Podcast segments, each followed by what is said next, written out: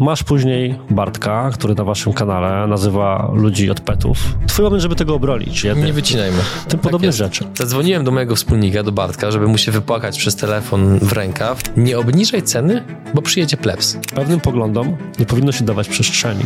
I dla, na pewne rzeczy ludzie nie powinni mieć przestrzeni. Impulsywność w biznesie czy syndrom Boga to nie są najlepsze elementy, zwłaszcza kiedy sodówka ci odwala, kiedy zarabiasz piątkę miesięcznie, nie? No to...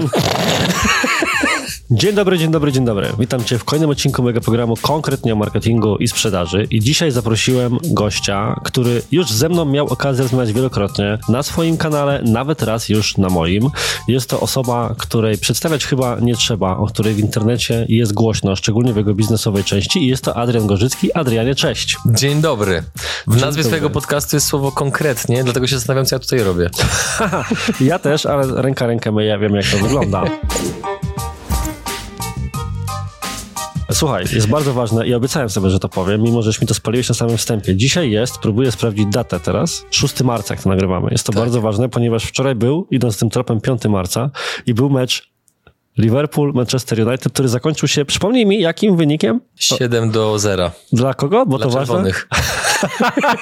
nie może ci przez usta przejść. Otóż, moi drodzy, Adrian jest fanem tej niewłaściwej drużyny, którą jest Manchester United. Ja jestem fanem tej właściwej czerwonej drużyny, czyli Liverpoolu. I Liverpool rozgromił 7-0, więc ja w ogóle się dziwię, że ty miałeś czelność się dzisiaj pojawić w studio.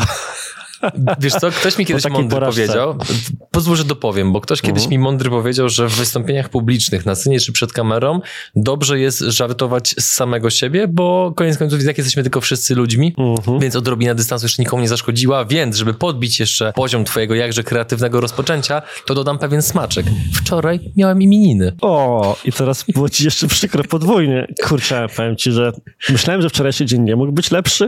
Było tak, że zadzwoniła do mnie babcia z życzeniami, a później zadzwonił ojciec, żeby wyśmiać to, jaki był wynik, nie? A życzeń nie złożył, bo zapomniał, więc... Just ojciec thinks. Double kill, tak. Just ojciec thinks po prostu pięknie.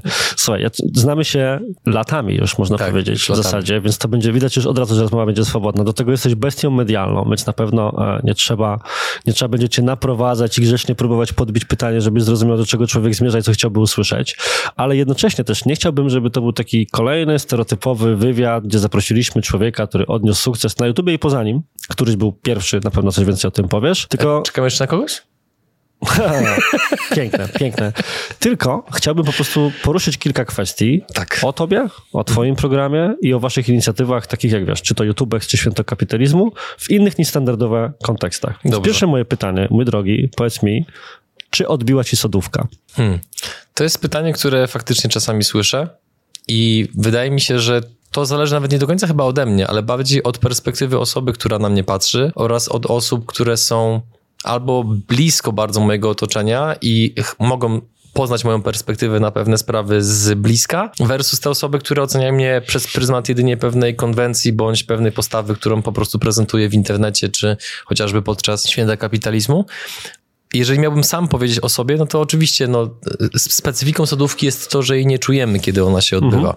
Natomiast ja w swoim życiu taką sadówkę już przerobiłem dobrych kilka lat temu w poprzedniej firmie i to, co charakteryzowało tamten okres, to był okres totalnej destrukcji w moim życiu, mhm. bo odpychałem praktycznie od siebie wszystkich, nie tylko klientów, nie tylko znajomych, ale przede wszystkim bliskich, brata, ówczesną e, dziewczynę, która koniec końców została moją żoną. Boże, nie? To jest naprawdę największe zwycięstwo zwycięstwu mojego życia. Żonę, ówczesnego wspólnika, praktycznie wszystkich. Było to takie wtedy bardzo silne przekonanie o tym, że ja mam rację, że wszyscy są w błędzie, tylko że obiektywne parametry tego nie wskazywały. Żadne liczby, żaden stan konta, nic, co mógłbyś jakkolwiek zmierzyć, zważyć, mhm. dotknąć, to było tylko i wyłącznie taka moja gadka i moje po prostu przekonanie o tym, że jest wszystko super. No i oczywiście koniec końców, nie wiem, czy tak, czy tak się to odbywa u innych osób, które przerabiały sodówkę, ale u mnie to się zdarzyło w momencie, to u mnie to się skończyło w momencie, w sensie ta, ta sodówka i uświadomienie sobie, że hej, chyba masz problem, Adrian, w momencie, jak tak parę, troszeczkę używając metafory, uderzyłem twarzą w glebę z taką siłą, że straciłem praktycznie wszystkie zęby i potem musiałem szufelką to nerwowo zbierać, próbując takkolwiek odkręcić, odbudowując relacje z Kamilą, z moim bratem, z innymi osobami i praktycznie zaczynając wszystko od zera, mając jakieś śmieszne oszczędności na koncie. Więc zdarzając tamten okres z okresem, który jest e, obecnie, gdzie jeszcze Tomek, który przed chwilą był w studiu, powiedział mi, że w strukturach przygód jest w tej chwili 29 osób, gdzie mamy kilka linii biznesowych, gdzie uważam, że robimy całkiem fajne i przydatne ludziom rzeczy, co chociażby mierzę nawet nie liczbą subskrypcji, nie liczbą pieniędzy na koncie, ale tym, że nie ma tygodnia, żebym ja nie dostał kilku wiadomości od ludzi, którzy mhm. dziękują za naszą pracę, ponieważ ona miała taki czy inny wpływ na ich życie, na ich biznesy, gdzie oni otworzyli oczy wobec pewnych spraw, gdzie oni nawiązali współpracę z jednym z naszych gości, więc no, ja nie mam takiego poczucia i mam wrażenie, już kończąc temat sodówki, że to jest taki bardzo prosty argument, a raczej zarzut, który używają bardzo często osoby wobec kogoś, kto nie postępuje zgodnie z ich wizją świata. Mhm. Ja zrozumiałem w pewnym momencie, i to było tuż tuż po śmierci mojego dziadka, przez którego jestem przedsiębiorcą, a tuż przed ślubem z moją żoną, gdzie szkoda, że dziadek zmarł trzy tygodnie przed, e, no ale tak widocznie jakby musiało być, pokój jego duszy, uświadomiłem sobie, że im mniej myślę o tym, jak odbierają mnie inni ludzie, im mniej od, zabiegam o ich akceptację, o to, żeby mnie szanowali, o to, żeby mnie rozumieli, o to, żeby mi nie obrabiali tyłka i koncentruję się na tym, na co, na co faktycznie mam wpływ, to wszystko bardziej rośnie, firma jest bardziej stabilna, Nigdy nie miałem bardziej szczęśliwego życia niż w tej chwili, więc nie chcę się chyba fiksować na tym, czy tą sodówkę mam, czy nie, bo jeżeli ktoś na przykład nie rozumie, że nasz kanał Gorzycki Kolancjusz, czy chociażby Święto Kapitalizmu, to jest określona konwencja, gdzie mamy inną komunikację niż na przykład ta, którą prezentuję w tej chwili, gdyż tam komunikacja jest mocniejsza, bardziej bezkompromisowa, często przesiąknięta mocniejszym językiem, no to trudno. No, nie chcę cały czas się fiksować na tym, żeby wszystkim dookoła tłumaczyć, hej, chcę, żebyście mnie zrozumieli. No jakby nie. Walczę o jakieś takie powiedzmy swoje plemię, które jest dla mnie ważne, a cała reszta, która nie pochwala mojego postępowania, sposobu myślenia, sposobu działania, spoko, macie do tego prawo. I Powiem ci, żebyś tyle. ty był tak aktywny przy nagrywaniu serii eksperckich. no ale jak ktoś mnie usypia, to co mam zrobić, nie? Musiałem przekłać ten balonik po prostu, ale po prostu wiesz, przez całą serię ekspercką, którą nagrywaliśmy wspólnie, nie miałeś chyba aż tak długiej wypowiedzi. Gdybyśmy tak po... Ja to porównam w minutach, tak. jak będziemy mieli już sur surówkę. Ja bym powiedział, że chyba na ostatniej serii eksperckiej z tobą, to myślę, że w każdym odcinku mówiłem przez mniej niż 3% no, całości. To jest moja więc... wina, nie powinienem było do tego dopuścić, ale okej. Okay, to znaczy jesteś w miejscu, w którym ja kiedyś chciałbym być pod kątem elokwencji, więc nie ma co się dziwić. Nie bądź taki skromny i tak cię, tak, taki grzeczny i skromny i tak cię złe pytania nie ominął. Natomiast wiesz, to ty, na ten wątek chciałbym rozwinąć wbrew pozorom, bo to jest bardzo PR-owa odpowiedź. Okej, okay, tutaj nie jestem odpowiedzialny za to, co oni o mnie myślą. Jestem w miejscu, w którym mam taką pewność siebie, że moja pewność siebie może być dla innych dyskomfortowa i mam też już wyniki, które sprawiają, że jeżeli miałem sodówkę bez wyników, to okej, okay, byłem burakiem. Mhm. Jeżeli teraz mam wyniki i nie tyle sodówkę, ale pewność siebie, to inni odbierają to jako sodówkę, ale nie widzą mojego przychodu stanu konta. A poza tym mam jeszcze kwestię bronienia się konwencją. Teraz idealnie, że o tym mówisz, bo jesteśmy tuż po evencie, którym było trzecie święto kapitalizmu. Ja już wiem, że z przyjemnością przyjadę na czwarte, ale powiem ci, że z żadną rzeczą nie mam tak ciężkiego zgryzu, jak ze świętem kapitalizmu. O. Już ci mówię dlaczego, że jak ktoś mnie pyta, czy to jest dobre wydarzenie, to mi jest ciężko odpowiedzieć, ponieważ ono się wymyka jednej definicji, dobre bądź złe, bo każda z nich wydaje mi się niedostateczna. W sensie ten event jest jak event Schrödingera, jest dobry i zły jednocześnie, zależy, którą szkatułkę otworzyć. Teraz, czemu o to pytam? No bo zobacz, mówisz, że Gorzycki i Kolancjusz to jest konwencja, że święto kapitalizmu to jest konwencja. I masz później Bartka, który na waszym kanale nazywa ludzi od petów, Mhm. Potem masz swoje własne wydarzenie. Oczywiście ja wiem, że konwencją święta jest, że rzeczy nie wychodzą poza. Natomiast możemy dość ogólnymi słowami powiedzieć, jasne, że jasne. pojawiają się żarty z kategorii takich, w których ludzie śpieją się raczej za zamkniętymi drzwiami tak. niż na zewnątrz. Dotyczące, najwyżej to wytniemy, jak będziesz niekomfortowo się z tym czuł, seksualności, rasy, e, zarabiania pieniędzy, biedy. Nie wycinajmy. Tym tak podobnych jest. rzeczy. I dla mnie konwencja jest wygodną linią obrony. Teraz, żeby też nie było, że tylko, czemu, czemu, czemu o tym mówię? No bo zobacz, wychodzisz, jesteś prelegentem bądź prowadzącym, mówisz pewne rzeczy. Ja, tak jak ci też mówiłem przed nagraniem przez telefon, mam takie podejście, że słucham tego i mi się to kojarzy z Rickiem Żerwa. Na zasadzie, że to jest przekroczenie granic dowcipu, dobrego smaku dowcipem, które dla mnie jest dowcipem. I dla mnie dowcipne jest w tym to, że ktoś tak żartuje, a nie z czego. Ale myślę, że spora liczba ludzi, która nie ma aż tak głębokiej rozkminy nad dowcipem, który jest rasistowski, tylko raczej patrzy i mówi sobie, hehe, żart o czarnoskórym. Pytanie brzmi, czy nie jest wygodne z perspektywy organizatora przerzucanie odpowiedzialności za przekaz niesamowicie kontrowersyjny, bardzo łatwy do strywializowania w eter na ludzi, którzy na to przychodzą. Twój moment, żeby tego obronić, bo ja przyznam szczerze, jakby ktoś spytał, czy tak wolno, czy nie wolno, ja nie mam, mhm. nie jestem w stanie odpowiedzieć. Na szczęście to nie jest pytanie do mnie, po pierwsze, mhm. tylko ja je zadaję i po drugie, nie, ja tego nie zrobiłem i nie muszę tego bronić, abstrahując od tego, czy masz ochotę, czy nie, ale pogadajmy. Nie wiem, czy na pewno zrozumiałem intencję twojego pytania, mhm. natomiast powiem tylko na samym wstępie, że bardzo lubię rozmowy z tobą, ponieważ po pierwsze one są Dobra, Adrian, teraz bądź sobą, trudno. Po pierwsze, one są bardziej wymagające niż z większością ludzi, no bo raczej mało kto, nie wiem, czy ty pewnie się z tym nie zgodzisz, bo jesteś skromny na pokaz, więc zostańmy przy tym. Mało kto analizuje rzeczywistość w tak złożony sposób, jak ty to robisz. To pytanie, które mi zadałeś, to szczerze, ja chyba nie mam na nie dobrej odpowiedzi. Nawet nie wiem, czy mam potrzebę, żeby to jakkolwiek bronić. Mhm. Z tego powodu, że my lojalnie uprzedzamy przed konferencją, że hej, tam odpinamy wrotki, tam się odklejamy, tam jest mocny humor.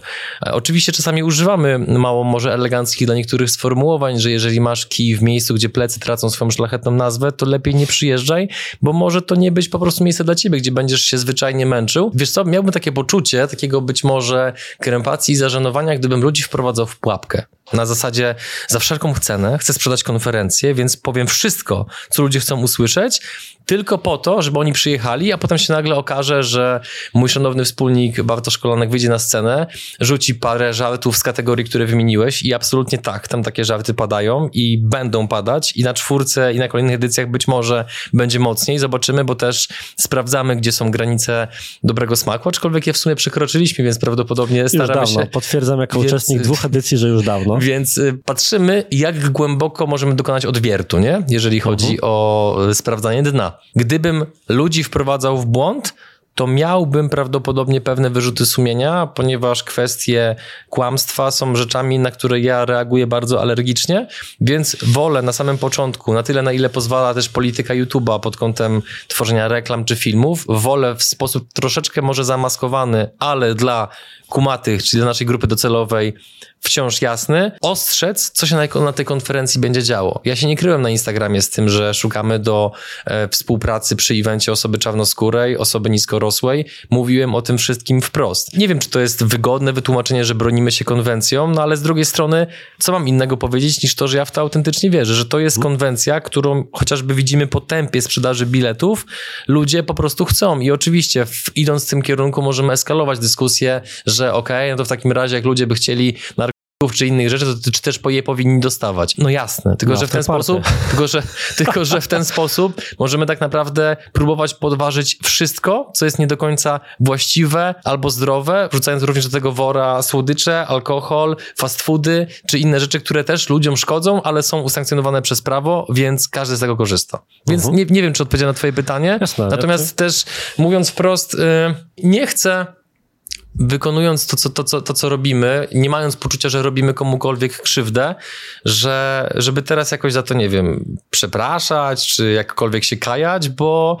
ja uważam, że ta konferencja była zajebista, była super merytoryka, włożyliśmy mnóstwo pieniędzy w poprawę, był dobrze zorganizowany networking, ludzie już teraz piszą do mnie wiadomości, że poznali wartościowych ludzi, że już coś tam razem planują, więc uważam, mhm. że impact społeczny, który będzie wynikał z tego, że pracowity przedsiębiorca łączy się z innym pracowitym przedsiębiorcą, daje na tyle dobrego, że tego typu żarty, no być może nam będą wy wybaczone, a jeśli nie, to to jest y, poświęcenie, na które jestem gotów. Mhm. Ale wiesz co, to bym to skomentował, bo niestety nie mogę się oprzeć swojemu marketingowo-sprzedażowemu backgroundowi, że to jest w ogóle bardzo sprytne, co zrobiliście z punktu cech osobowości marki. Być może kojarzysz, może widzowie kojarzą, coś takiego jak pięć cech osobowości marki, którą da się opisać każdą markę bądź reklamę na przykład na planecie i dowiedzieć się, jak ona jest kierowana do ludzi. Mhm. Na przykład jedną z tych jest pokazywanie kompetencji. Jedna reklama powie ci, jesteś piękna, a druga z tej samej kategorii powie ci, mamy tutaj mikrokolagen, coś tam, który zmienia. Jedna nie pokazuje kompetencji, nie tyle, że ich nie ma, nie pokazuje, druga je ma i na nie stawia. I jest jeszcze aspekt kontrowersji. Jedną z tych pięciu cech jest kontrowersyjność. I są marki, na które ładnie anglosasi mówią vanilla flavor, nie? czyli takie, że wiesz, one size fits all dla wszystkich, grzeczne. No właśnie Duff jest na przykład taką marką. Tam nie ma miejsca na kontrowersję. Podobnie Procter Gamble i całe ich mhm. portfolio produktów. A po drugiej stronie są właśnie marki absolutnie kontrowersyjne, które wychodzą, będą kogoś... I wy wzięliście typową konwencję konferencji, która jest absolutnie niekontrowersyjna, skupiona całkowicie na aspekcie merytorycznym, to też jest jednym z aspektów osobowości marki, i zrobiliście suwaczek kontrowersji absolutnie przeciwną stronę.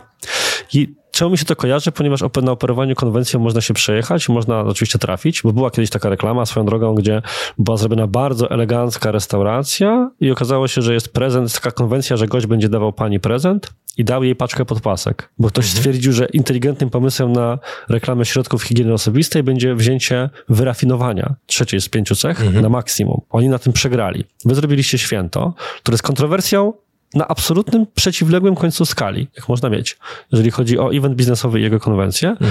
I na tym wygraliście, przynajmniej pieniądze. Natomiast to był taki, wiesz, metakomentarz trochę marketingowo-sprzedażowy do tego, bo to jest też ciekawe, w sensie abstrahując od tego, jak można oceniać święto kapitalizmu jako wydarzenie. Czy coś takiego ma prawo istnieć, czy nie ma? Czy powinno być, kurde, zakazane robienie takich rzeczy w przestrzeni, czy nie? Bo jestem w stanie zrozumieć sobie osoby, które podnoszą takie głosy. To jest to bardzo fajny case do analizy od mhm. strony właśnie samego budowania marki jakiegoś eventu. Szczególnie, że nie stworzyła go firma będąca taka od początku, tylko firma, której do tej pory bliżej było jednak do grzecznego wizerunku. I teraz troszkę, jak ty to właśnie od, powiedziałeś, odpina wrotki. Trochę bym chciał jeszcze pogłębić jednak ten Proszę. wątek tego, co powiedziałeś odnośnie, że się nie boisz, czujesz, że to jest pożyteczne społecznie i tak dalej. No i teraz nie wiem, jak to dobrze ująć słowa, bo to będziemy dzisiaj próbowali właśnie na takie bardzo niuansowe rzeczy wejść, ale czy to nie jest trochę tak, że pewnym poglądom nie powinno się dawać przestrzeni? I dla, na pewne rzeczy ludzie nie powinni mieć przestrzeni. Wiesz, o czym mówię? Zobacz na przykład, jak wiele złego w świecie dzisiejszych mediów i takiej debacie, dyspucie, dyskursie publicznym dało dopuszczenie do głosu skrajnych radykałów obojętnie której opcji. Bo ja nie chcę teraz mówić, że coś jest lewe, coś jest prawe, jest nieistotne. Generalnie każda skrajność jest w taką formą fiksacji, że kończy się źle. I na przykład, nie pamiętam, który z filozofów, ale powiedział coś takiego, na przykład, że nie dyskutuje się z Nazistę po prostu trzeba sprowadzić do parteru i nie dopuścić do głosu. I wiesz, mm. to nie jest żadne porównanie odnośnie waszych nie, rzeczy. Le lecisz grubo, no, słucham nie. dalej, no. Wiesz, z drugiej strony, czy nawet jeżeli wychodzimy z założenia, że wasze intencje są czyste, to ma być konwencja, zabawa i pośmianie się z tego, że czegoś nie można żartować. Konwencja połowa sali, czy tam zrozumienie konwencji przez połowę sali są czyste. Ja sobie siedzę i mówię, haha, głupi żart, nikt by tego nie zrobił, fajnie, że sobie na to pozwalają. Jest jakaś pula ludzi na evencie i po evencie, która o tym słyszy, zrozumie fragment przekazu, pójdzie w eter i oni to potraktują jako przyzwolenie, że tak można, już bez tych wszystkich niuansów, które tobie przyświecają. I teraz, czy to jest Ciekawe faktycznie hipoteza. poświęcenie, na które jesteś gotów, tak jak zakończyłeś swoją poprzednią wypowiedź? Czy tak się powinno robić generalnie? Znaczy... Wydaje mi się, że biorąc pod uwagę, że były dopiero za nami trzy edycje, to chyba mam trochę za mało danych, żeby na to mhm. móc, móc odpowiedzieć, no bo hipotezę pod kątem negatywnych skutków dowolnego działania uważam, mhm. że osoba, która jest biegła w retoryce, a ty ewidentnie mhm. jesteś, no to można podciągnąć praktycznie pod prawdopodobnie dowolną aktywność. Więc biorąc pod uwagę to, że oprócz tych żartów, żeby też nie wybrzmiało z tego nagrania to, że tylko jest hehehe, he, żarty, Oczywiście, he, he, he bo też zaznaczę, że gdyby nasza konwencja była aż tak odpychająca mm, pod kątem mocnego humoru, to nie wiem, czy chociażby tak znana postać jak Marek Zmysłowski chciałby się oświadczyć swojej czarnoskórej partnerce i to na naszej konferencji, gdzie tak na marginesie, jak to się wydarzyło, to ja musiałem uciec za scenę, bo e, nie byłem w stanie pohamować emocji, po prostu ryczałem jak bubr, że zaczynaliśmy sobie od wywiadów, wywiadzików, a teraz się dzieją takie rzeczy. Czy wiesz, no to jest, w ten sposób mogę również zadać pytanie a propos treści, które promujemy na kanale, że ktoś może powiedzieć, no nie boisz się, że promując kapitalizm w tak otwarty sposób, mówiąc, że e, lepiej jest mieć więcej pieniędzy niż mniej pieniędzy, to że ktoś się na maksa w tym zatraci, poświęci rodzinę i będzie tylko zarabiał, żeby jeździć e, Bentleyem, AMG albo jakimś innym szerotem. Jeżeli zajmujemy jakieś stanowisko w przestrzeni publicznej, czy to przed kamerą, czy to na scenie, to oczywiście, że musimy liczyć się z tym, że to może mieć pewnego rodzaju konsekwencje. Lecz biorąc pod uwagę to, że święto kapitalizmu oprócz obietnicy mocnych żartów jest również reklamowane w sposób taki, że chcemy świętować w tym dniu niezależność, wolność, pracowitość, to, że każdego dnia przedsiębiorcy ryzykują, że podejmują odwagę. No i znowu, patrząc chociażby nawet na to, jak rośnie w kontekście chociażby żartów w, w sferze erotyczno-seksualnej, tak my sobie zmierzyliśmy, ile było kobiet na pierwszej, pierwszej edycji Święta Kapitalizmu, to faktycznie garstka, nie? Na dwójce było już około 5%. Na trójce, jeszcze tego nie mamy do, dokładnie policzonego, ale między 15 a 20%. Na której konferencji biznesowej w Polsce jest tyle kobiet? Byłem naprawdę mhm. na wielu i to jest problem, który podnosi wiele osób i nagle się okazuje, że konferencja, która ma bardzo mocne poczucie humoru, bardzo mocną oprawę, gdzie jeszcze na samym początku mój wspólnik e, uprzedza i nawet pyta damską część publiczności, czy chce być na równi traktowana z mężczyznami, jeżeli chodzi chodzi o humor. I oczywiście, no ktoś może powiedzieć znowu, że tak, ekstrawertycy biją brawo, krzyczą uuu, róbcie to, a ci, którzy mają trochę bardziej wrażliwe poczucie humoru, nie mają odwagi, żeby się wypowiedzieć. Ale tutaj hej, wracamy do tego, co mówiłem wcześniej, my uprzedzaliśmy, że tak będzie. Na razie widzę znacznie więcej plusów niż minusów. Jeżeli minusy do mnie docierają, to bardziej na takiej zasadzie, że na przykład ktoś był na biznes speed datingu i że rozmawiał z samymi nieruchomościowcami, bo akurat tak się ułożyło, że głównie na nich trafiał, a nie na to, że ktoś mi mówi, ej, wiesz, bo przez święto kapitalizmu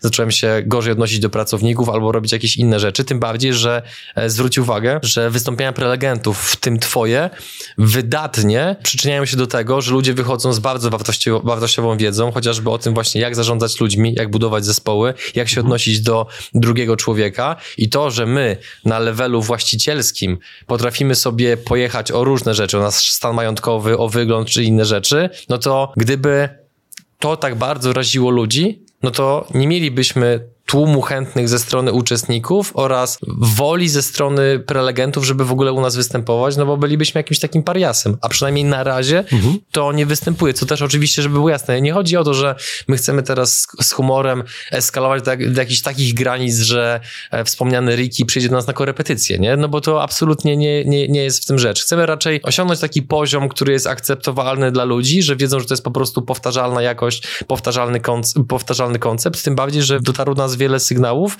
że Bartek, czyli prowadzący, na tej konferencji był e, bardziej łagodny niż na dwójce.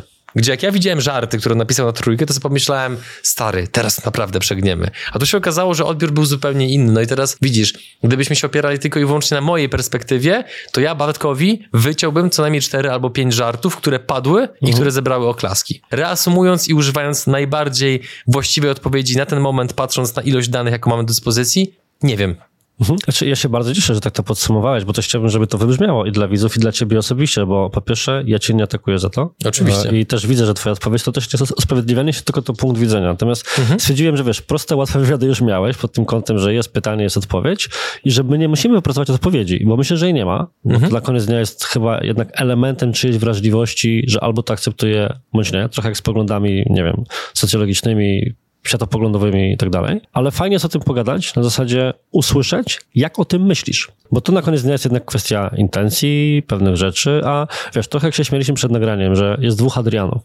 Jest Adrian, którego ja znam, którego często spotykam, którego sobie bardzo cenię, z którym mogę pogadać o wielu rzeczach. I jest później Adrian, czasami na niektórych wywiadach u niektórych osób, czasami w Gorzycki Kolancjusz, czasami na takim evencie, Obaj są walnięci. Dziękuję, że to powiedziałeś. Ale który jest tym bardziej prawdziwym? Czy ten, który e, będzie robił sobie zdjęcia, pokazując fakery wszystkim i mówią konkurencja, Jezu, piękne ujęcie, pocałujcie Boże. mnie w dubsko e, i to naprawdę się musicie mocno wlizać, bo jest tak duże, żeby dotrzeć tam, gdzie trzeba. Takich słów będzie... jeszcze nie użyłem, ale brzmią atrakcyjnie. Ale mniej więcej tak wygląda przekaz przy niektórych twoich storiesach, które robisz mhm. wokół święta kapitalizmu, a potem mam człowieka, któremu ja zadaję pytanie i odpowiadam przez 7 minut, ta wypowiedź jest zwarta, mało ludzi w tym kraju by tak potrafiło i jeszcze jest mimo wszystko wieloaspektowa. Stąd, znów, ja też nie mam odpowiedzi na to pytanie. Natomiast y, właśnie, kurczę, na koniec dnia rzeczywiście to trzeba zobaczyć, przeżyć. Myślę, że na pewno warto przeżyć takiego święto kapitalizmu chociaż raz, żeby zobaczyć, jak się z tym czujesz, bo wiesz trochę, dlaczego cię o to spytałem, dlaczego o tym tak intensywnie myślę, odkąd byliśmy na wydarzeniu. No bo jest tak, że jestem głęboko przekonany, że wielu ludzi, łącznie z tymi najbardziej świętoszkowatymi w internecie, ma dokładnie taki poziom humoru, gdzieś tam u siebie w zespole. Może nie sama, ale go toleruje. Niektórzy tak robią, po prostu. Inni mają odwagę robić takie rzeczy publicznie, ale tak naprawdę publicznie, w sensie kanał na YouTube tylko o tym. I za to obrywają. A święto kapitalizmu jest to trochę pomiędzy. Jest z jednej strony zamknięte, są to zaproszeni ludzie, mniej więcej zdający sobie sprawę na co idą, a z drugiej publiczne, bo jest to jednak konferencja i widzi to kilkaset osób. Gdzie jest ta granica między, do którego momentu można i pochwalamy to, że ktoś sobie żartuje, bo to hehe w gronie kolegów, na piwie, na spotkaniu, na grillu. Od jakiej liczby osób, od jakiej liczby ekspozycji, coś, co można, jest konwencją, jest tym śmiesznym wujkiem na weselu, który mówi coś, nikt na to nie zwraca uwagi, mhm. staje się wystarczająco dużą tubą, że ktoś nagle patrzy i mówi, ojej, ojej, ale tak na, na takim poziomie to to już nie, to jak to było 299 osób, to to było ok, bo to było moje wesele, bo mam dużą rodzinę, ale to jest 301 osób na konferencji w Mariocie, to, to, to już nieładnie, to tak nie wolno, nie? I znów, nie wiem, bo no to nie ma odpowiedzi. No to nie ma po prostu odpowiedzi. Wiesz co, powiem jeszcze takie dwie ciekawostki, bo skoro tak już rozbieramy święto kapitalizmu na części pierwsze, to konwencja święta, żeby ono było tak mocne, zaczęła się jak wszystkie inne rzeczy, wszystkie, jak wiele rzeczy, które z czasem wydają się dla pewnej grupy atrakcyjne, interesujące, od totalnego przypadku, czyli wstawiliśmy na kartę społeczność na YouTubie informację o tym, że będzie pierwsze święto kapitalizmu. W komentarzach hejt. Czy na tym kanale padają niecenzuralne słowa, czy mam się hamować? Możesz mówić. Okej. Okay. W komentarzach cytując słowa typu, że nam właśnie, że sodówka, że skok na kasę, że konferencja powinna być darmowa, że co to w ogóle jak to, że bierzecie pieniądze za szerzenie wiedzy, nie?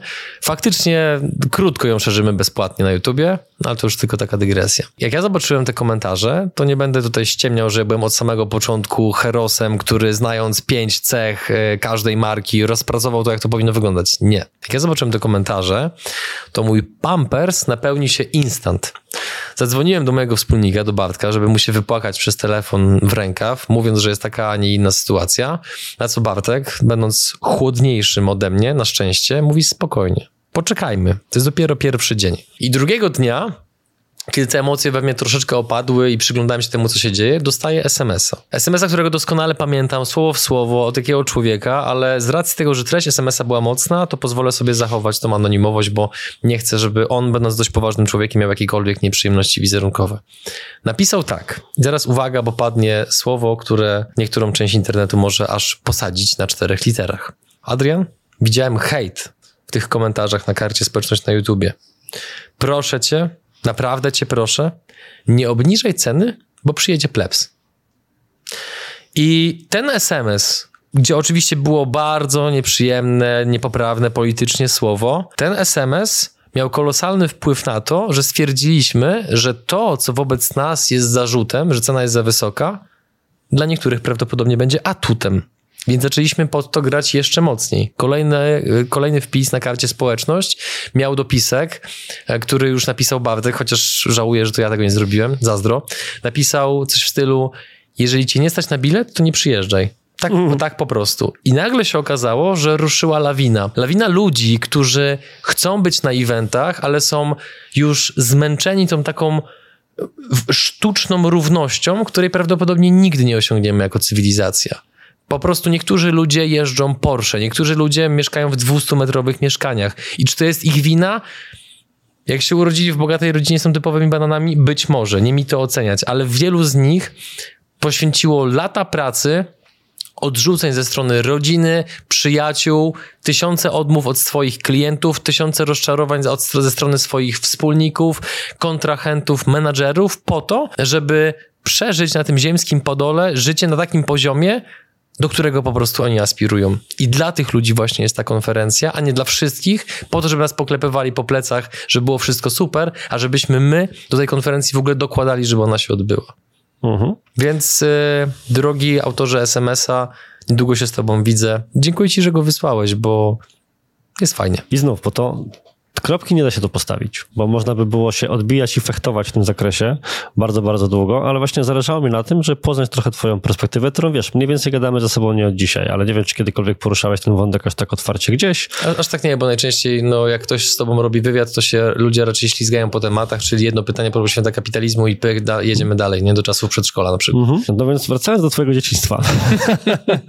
nie żartuję oczywiście. E, jak na tym tle ma się loża kapitalistów? Już pytam dlaczego, ponieważ wiesz, e, loża kapitalistów, jak zakładam, jest w waszym portfolio usług, produktów czymś o jednak innym hmm, poziomie żartu, przynajmniej tak wiesz, oficjalnie, czy sposobie komunikowania, jest czymś bardziej poważnym, jest inicjatywą biznesową, takim trochę klubem networkingowym. Stanie nie wiem, jak go pozycjonujecie w własnym, e, własnym, e, własnej głowie, ale jednocześnie jednym z głównych benefitów chyba, no, oczywiście mogę o tym mówić, jak coś to wytniemy, jednym z jakichś tam benefitów jest obecność na wszystkich świętach i to w takiej dość eksponowanej roli. Tak. I żeby tam wejść, to wchodzi się w, przez bardzo oryginalne wejście, nie wdając się w szczegóły tego, co dzieje się na święcie. Jest się częścią nagle tej konwencji, trochę dodatkowo eksponowaną. Niektórzy, jak nasi znajomi z więcej, pozdrawiamy, wiedzą, o których mówię, wpisywali się wizualnie bardzo mocno w konwencję kiczu konferencyjnego. Mhm. Niektórzy mniej. I tak próbuję się zastanowić, jako osoba, która, wiesz, potencjalnie mogłaby być w loży, Absolutnie. że e, jest coś takiego i ja chciałbym, na przykład widzę wartość klubie biznesowym,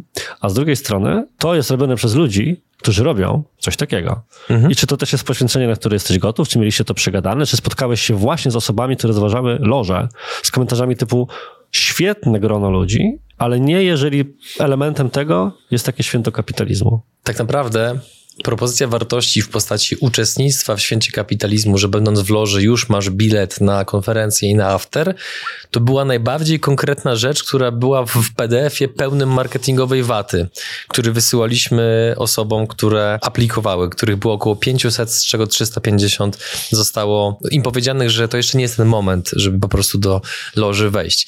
I super, że o to pytasz, z tego powodu, że chyba powiem, chyba powiem to po raz pierwszy. Po pierwsze, sformułowanie marketingowa WATA była od jednej z osób, która zapłaciła 20 tysięcy e, złotych składki rocznej netto, żeby wejść i napisała e, dostałem PDF-a, sporo marketingowej waty, ale jakoś to łyknąłem. Potwierdzenie przelewu w załączniku, nie? Mhm. Ja zrobiłem sobie screena tego maila, bo to na pierwszy rzut oka wygląda śmiesznie, ale na, to, co było dla mnie najważniejsze w tym mailu, to było się znajdowało między wierszami, czyli darzę was takim poziomem zaufania, że mogę położyć tak znaczącą kwotę za enigmatyczną obietnicę wartości, którą być może dowiedziecie, a której być może nie dowiedziecie. Więc tak naprawdę od połowy stycznia każdego dnia e, pracujemy na to, żeby ta wartość była dowieziona. Mam już pierwsze spotkanie ze sobą, pierwsze święto kapitalizmu również. I przechodząc do jakby puenty odpowiedzi. Wiele osób, które wchodziły do loży kapitalistów, powiedziało nam podczas rozmowy onboardingowej, kiedy się pytałem, ej, dlaczego w ogóle wszedłeś do loży, biorąc pod uwagę, no, że było tyle znaków zapytania.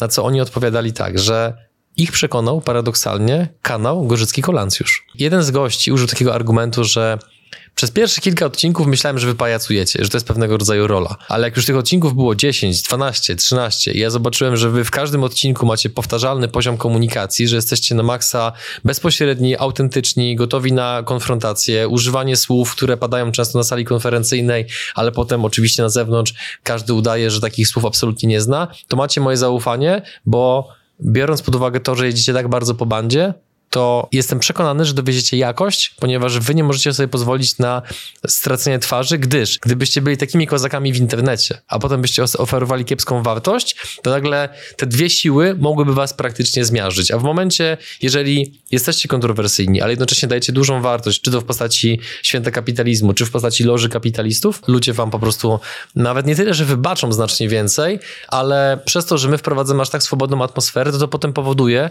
że spotkania między ludźmi, czy na święcie, czy w loży, nie wyglądają w ten sposób, że każdy jest ubrany w garnitur, który niekoniecznie, tak jak w twoim przypadku, jest jego codziennym elementem garderoby. Może nie garnitur, ale elegancki po prostu ubiór, nie? Niektórzy po prostu lubią być w dresach, czy w bluzach z kapturem. Więc nasz, nasz poziom komunikacji, nasza swoboda sprawia, że wielu ludzi też się czuje dobrze i to jest też sygnał, który dostawałem od wielu ludzi, nawet takich ostro wierzących, takich, którzy wiesz, wiesz, nawet słowa na kanie użyją, gdzie jak dawali mi feedback na Messengerze, to pisali mi, że bywali na różnych konferencjach biznesowych, finansowych, medycznych, różnych, ale takiego poziomu swobody i możliwości nawiązywania kontaktów z innymi nie czuli nigdzie, co prawdopodobnie miało korzenie w tym, że my też jesteśmy bardzo mocno luźni, bo oprócz samego humoru, to ja też chciałbym, żeby to wybrzmiało, my bardzo mocno podkreślamy, chociażby dając instrukcje podczas biznes speed datingu, że jak rozmawiasz drugim człowiekiem, jesteś w, swoim życiu w sytuacji, gdzie rocznie na przykład robisz 10 milionów, ktoś robi zaledwie z twojej perspektywy milion,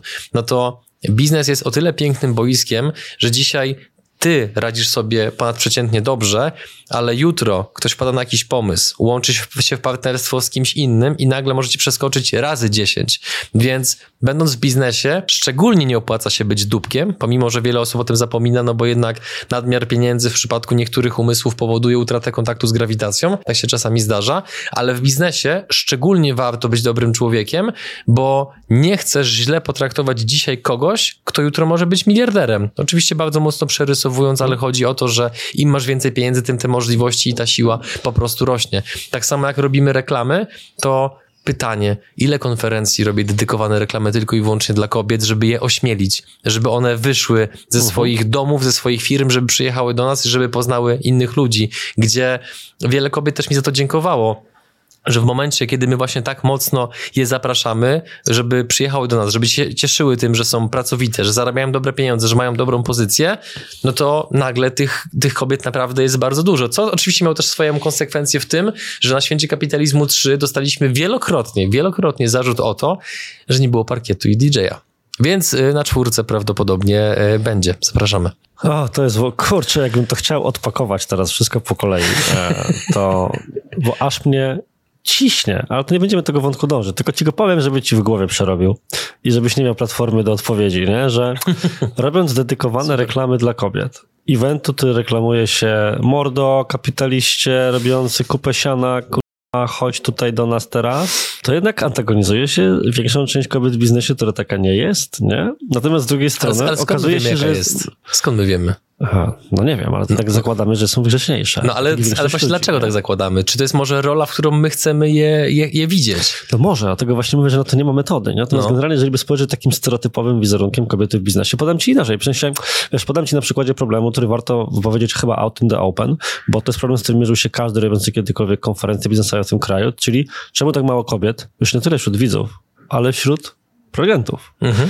I ja sam organizowałem TEDxy, konferencje po tysiąc osób i tak dalej. I zawsze starałem się mieć z tyłu głowy, żeby też te kobiety zaprosić, żeby mieć wśród prelegentów i no, trzeba było się pięć razy bardziej nachodzić, chcąc namówić kobietę do wystąpienia, niż mężczyznę. I to, kiedy konferencja była grzeczna, czyli taka, że możesz, nikt cię nie obrazi, jak będziesz wychodzić na scenę, 15 razy w sposób, który być może ty, gruboskórny, poradzisz mm. sobie dobrze, ale ktoś tak wrażliwym ego jak ja już niekoniecznie dobrze to znosi. E, a zwłaszcza jakaś, jakaś, jakaś kobieta i tak dalej, i tak dalej, nie? Więc wiesz, e, co dopiero kiedy masz takie święto kapitalizmu i mają się pojawić jeszcze panie. Ale okazuje się, że jednak, i to niech to będzie puentą z tego, co powiedziałeś, jest bardzo dużo drapieżnych, można by chyba powiedzieć, businesswomen, mhm. takich typu girl boss, tak się określających, które faktycznie nawet w takiej konwencji się odnajdą, więc why not? Znaczy, liczby pokazują, że chyba tak jest. Zobaczymy, jak będzie na czwórce. Natomiast też, żeby było jasne, ja wiem, jakie są oczekiwania społeczne wobec różnych sfer. Natomiast mhm. to jest po pierwsze dopiero trzecia edycja. Po drugie, uważam, że między innymi walczymy o parytety tym, że rośnie procent uczestniczek w święcie. Natomiast znowu, ja nie będę stawał na głowie tylko dlatego, żeby być może lewicową część internetu, która mam wrażenie jest wiecznie nienasycona, nagle próbować zaspokoić w każdy możliwy sposób, że połowa osób będących prelegentami to będą kobiety, połowa uczestników e, to będą uczestniczki. E, no nie, to jest jakby nasza konferencja, widzimy co działa, widzimy jak to działa i naszym nadrzędnym zadaniem jest przede wszystkim to, żeby uczestnicy dostawali wartość ze sceny. Hmm. A że line-up prelegentów jest w dużym stopniu pokłosiem gości przygód przedsiębiorców, których sprawdziłem w boju, których sprawdziłem przed kamerą, którzy wiem, że mogą dowieść wartość. Czasami są wypadki przy pracy, na jedynce i dwójce były ewidentnie, nie będę teraz wymieniał z nazwiska, bo jednak RODO, a kusi, kusi, kusi. Więc jeżeli mi było dużo łatwiej po prostu przez te wszystkie lata znajdywać ciekawych gości wśród mężczyzn, którzy też często się sami zgłaszali, ułatwiając mi bardzo zadanie. Ja nie będę ściemniał, ja nie jestem rycerzem na białym koniu. Jak czasami jest mi coś łatwiej zrobić, to robię tam, gdzie jest mi to po prostu łatwiej. Więc line-up y, święta jest w dużym stopniu pokłosiem przygód przedsiębiorców i drogie panie, jak macie potrzebę podzielenia się swoją wiedzą, doświadczeniem, to dajcie znać. Piszcie do nas, my naprawdę jesteśmy otwarci, jesteśmy do rany przyłóż, a to, że wiecie, robimy sobie jakieś mocniejsze heheszki, to nie definiuje nas jako ludzi, jako ludzi. więc absolutnie apeluję, jeżeli oglądacie te materiały, jeżeli robicie fajne firmy, macie fajne pomysły, fajne koncepty, macie doświadczenie i macie poczucie, że możecie utrzeć nosa męskiej części prelegentów i pokazać im, kto jest królową kapitalizmu, wpadajcie. Naprawdę serdecznie zapraszam. Dużo mieliście zgłoszeń na czarnego konia od kobiet? Dla na, na underdoga? Osób, dla, no, trzeba właśnie underdoga dla kontekstu i widać, sam nie zapamiętałem nazwy. E, na tej edycji święta była bardzo ciekawa praktyka, którą był tak zwany underdog, czyli osoba wyłoniona nie przez was, tak jak mówisz, ze wszystkimi problemami, tak, które to tak. i wyzwaniami, które to stawia, tylko spośród zgłoszeń. Jestem po prostu ciekawy, bo nie rozmawialiśmy o tym, jak duży wolumen zgłoszeń, tudzież procent zgłoszeń, pochodził właśnie od kobiet. Zaledwie nad czym ubolewam około 10%. Bardzo, bardzo mało. A tych zgłoszeń to było plus minus chyba około 60 albo 70. Też, żeby było jasne, jakoś mocno, bardzo mocno tego nie reklamowaliśmy, bo patrząc, że i tak napływa, wiesz, ja się spodziewałem, że się zgłosi 5 osób. Na zasadzie, nie, ja nie chcę występować na tak chorej konferencji. Tutaj nagle patrzysz na tą liczbę i sobie myślisz, jak dobrze, to nie ja muszę te formularze przeglądać, nie? Tylko uh-huh. jakby na, nasza, nasza, nasza menadżerka za ci, że jestem zaskoczony, bo z kolei ja się spodziewałem, że będzie ich jeszcze więcej. Wiesz co, byłoby, tylko że my da, daliśmy kilka storiesów o tym, że hej, underdog, możesz tu się zgłosić, czy coś. Wiem, tu... bo i tak miałeś kolegę wybranego, który ma przyjść. E, tak, tak, dokładnie tak było, nie? Dokładnie tak było. Tym bardziej, że wybierała Ola. Kolega kolegi. Tak, i w momencie jak Ola po prostu sugerując się naszymi kryteriami, czyli e, merytoryka, najlepiej treści B2B, doświadczenie sceniczne, zobaczyła, że wśród zgłoszeń jest gość, który w historii Sales Angels, który jakby nie patrzeć, jest skupiony głównie na wystąpieniach, jest nagle człowiek, który ma drugi wynik w historii całej organizacji, no to sorry, nie? Ale no, wybór był trochę oczywisty, przynajmniej, przynajmniej w tym przypadku. Nie, jasne, wiesz, tak trochę jeszcze budując i próbując nie zantagonizować jednocześnie całej swojej grupy odbiorców z lewa i z prawa, to pamiętam, jak kiedyś się śmiałem, jak e, prowadziłem szkolenia z reklam na Facebooku jeszcze częściej i pokazywałem targetowania polityczne. Wtedy jeszcze były dostępne i były na przykład dwa, skrajna prawica mm. i skrajna lewica. I ja miałem zawsze z tego bekę na szkoleniu, że skrajna prawica, to ja to rozumiem. Ci to tam tych biją, tamtych chcą spalić, tym chcą zrobić krzywdę. A co może zrobić skrajna lewica? Skrajnie rzucać ulotką? No w sensie wydawało mi się, że nie da się odrobinę nieco ostrzej skandować swoje równościowe hasło. W sensie wydawało mi się absurdalne, połączenie skrajności z lewicą. Natomiast, i to nie jest tak, że jakoś, wiesz, mega mocno staje w obronie tego, co powiedziałeś, być może należałoby robić więcej, faktycznie. Może rzeczywiście taki jest obowiązek ludzi na pewnym poziomie wpływu, o czym za chwilę, i pieniędzy również, nie? i dostępu do kapitału i do ludzi, którzy mogą ich posłuchać. Może się powinno, sam nie jestem aż tak dobrym ideowcem, żeby stwierdzić, że na pewno tak powinno, ale z drugiej strony rozumiem właśnie, że można paradoksalnie nie chcieć, nie mówię, że ty nie chcesz, ale że można nie chcieć, bo właśnie już się widzi reakcje typu, a skoro mamy już pół na pół kobiet, to czemu jeszcze pół na pół e, płci mhm. i jeszcze pół na pół pozostałych płci i jeszcze pół na pół kolorów? W sensie, gdzie się kończy granica tak. równości? Że niektórzy wylewają trochę dziecko z kąpielą, próbując walczyć na siłę, i nie dopuszczając do głosu tego, że być może faktycznie kryterium była merytoryka. Podam ci na bardzo prostym przykładzie mojej firmy. My sobie z Agatą Banaszkiewicz, z którą tutaj rozmawialiśmy, moją wspólniczką, którą zresztą znasz też już wiele lat, ostatnio zdaliśmy sprawę z faktu, że my na siedmiu menadżerów, menadżerek w zespole mamy pięć kobiet. Mhm. I powiem Ci, że zdaliśmy sobie sprawę z tego tydzień temu, a firma ma 5 lat ponad. Ci menadżerowie i menadżerki są w firmie od dawna ponieważ nikt nigdy nie myślał przez pryzmat awansu kogokolwiek, że wiesz, no wypadałoby teraz kobiety awansować. No u nas też nie. No właśnie, czyli zawsze kryterium była ta merytoryka. My wszyscy jesteśmy raczej tymi osobami z wartościami co najmniej centrowymi. I jest tak, że no okej, okay, to był logiczny wybór, w sensie ten człowiek to dostał. Ale z drugiej strony, co teraz próbuję wyobrazić sytuację, która byłaby odwrotna. Miałby jednak większość mężczyzn. Już byłoby, to tak, kolejna stereotypowa męska firma zarządzana przez prezesa i przy stole tylko sami faceci koledzy i tak dalej, nie? Tak. A, więc y, tak trochę apel nie tyle, nie tyle w twojej obronie, ale generalnie w obronie takich zachowań, że jeżeli jest konferencja, która faktycznie ma głównie męski line-up, to może to nie jest wina prowadzącego czy organizatora, że tego nie chciał zrobić, tylko może faktycznie uznał, że dokonuje najbardziej merytorycznego wyboru i mhm. nie miał w głowie kryterium płci, nie starał się o tym pamiętać, albo może właśnie nawet się nie dało, bo sam pamiętam, jak organizowałem te deksy i walka o to, żeby tych kobiet było więcej, no to wymagała właśnie naprawdę poświęcenia x 10 więcej godzin tak. niż przy standardowej próbie pozyskania kolejnego pewnego siebie odnoszącego sukcesu męskiego prezydenta. Prelegenta. Nie dlatego, że jest mniej kobiet, które odniosły sukces, tylko tak więcej trzeba się nachodzić, żeby je zachęcić żeby je przekonać, że mają coś do przekazania. Ja, ja mam wrażenie takie trochę, być może to teraz powiem jest kontrowersyjne, tak bywa, że z takimi tematami do, zahaczającymi bardzo mocno poprawność polityczną jest trochę tak jak z piciem wody morskiej. Nieważne ile jej wypijesz i tak będzie not enough. I wiesz, ja nie mam żadnego poczucia zakłopotania w związku z tym, że być może jeszcze połowa prelegentów to nie są kobiety. Dlaczego? Dlatego, że chociażby u nas w firmie na pięć kluczowych stanowisk cztery zajmują kobiety. Dyrektor administracji Magda, pozdrawiam. Wspólniczka, która zarządza naszą linią kanałów na YouTubie, Marlena, pozdrawiam. Julia, która jest prawą ręką i czuwa nad procesami w całej organizacji, pozdrawiam. Ola, która zarządza świętem kapitalizmu, o, kobieta zarządza tak popierdoloną konferencją, nie? Jak to się w ogóle kurczę godzi? I no robi to tak dobrze, no. i robi to tak dobrze, że dostanie udziały w naszej nowej spółce, więc proszę mi wskazać firmy, które najlepszych pracowników tak chętnie... Digitalk.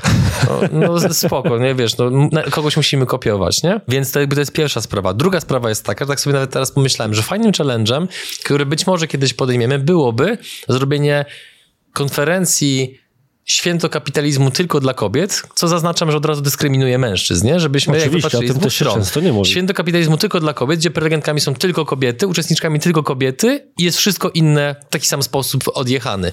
I co wtedy by było? A, czyli promujecie tylko te baby, które na pieniądzach są skupione, które wartości rodzinnych to pewnie nie. Kurde, skąd to wiemy, nie? U nas na przykład na, na kolacji z nami dzień wcześniej była Marta, którą pozdrawiam, która jest kapitalistką mającą piątkę dzieci. Więc no, niezależnie, już, już, już to dopuentując, bo mam wrażenie, że i tak gadamy z tym, o tym dość długo, a e, czy, to, czy to wnosi jakąś wartość w życie ludzi? Nie wiem, no jakby mam, mam trochę wątpliwości. Niezależnie od tego, co byśmy w tych tematach zrobili, to i tak nigdy nie będzie wystarczająco dobrze, bo znajdzie się ktoś, kto to w pewien sposób podważy, więc godzimy się na to. I to jest poświęcenie, które akceptujemy, że nie zadowolimy wszystkich, bo to byłoby szaleństwo. Po prostu robimy swoje. 21, 22 września. Wpadajcie póki są bilety. Albo poczekajcie, jak będą droższe, więcej zarobimy. Zapomniałem, kurde, jednak dograć tutaj jakieś faktury za promocję na tym grzecznościowym wywiadzie. Ale wszystko to się wypika, to się wytnie. Ten, ten twój napis też zamarzemy, żeby nie było. Jak, ten... jak już będziecie chcieli naprawdę poważne treści biznesowe, to tutaj wpadajcie, nie? No, powiedzmy tak, poważne. Treści żołądkowe po słuchaniu na pewno. Tak jest. Natomiast, e, wiesz co, bo ja, mimo wszystko, już kończąc ten wątek, bo rzeczywiście można by długo, to jest kolejny wątek nierozwiązywalny, ale fajnie sobie pogadać. Znaczy w mhm. zasadzie większość podcastów tak wygląda, dwóch znajomych gada głupoty, nie? Więc to trochę teraz jesteśmy w, sty w stylistyce... Wpisujemy się w konwencję, tak? Wpisujemy się w konwencję typowego podcastu, gdzie siadają goście przed mikrofonem, gadają i to jest ważne, bo mówią to mężczyźni. Biali z Europy. Oczywiście, natomiast wiesz, to teraz znów zantagonizuje być może dużą część swojej publiki, z którą o takich rzeczach raczej generalnie nie rozmawiam, ale na przykład ja mam zawsze ciężki zgryz. Tak jak mogę mieć lekki zgryz ze świętem kapitalizmu, w sensie, mm, czy tak się powinno, w sensie to ja i moje rozkminy, na koniec dnia tak przyjadę. ale Tym bardziej, że jesteś jednym z prelegentów, również na czwórce. No właśnie, ale to chyba pierwszy raz out with the open ta informacja pójdzie, chyba, tak. że przy moim kalendarzu wydawniczym to się pojawi po świecie numer cztery.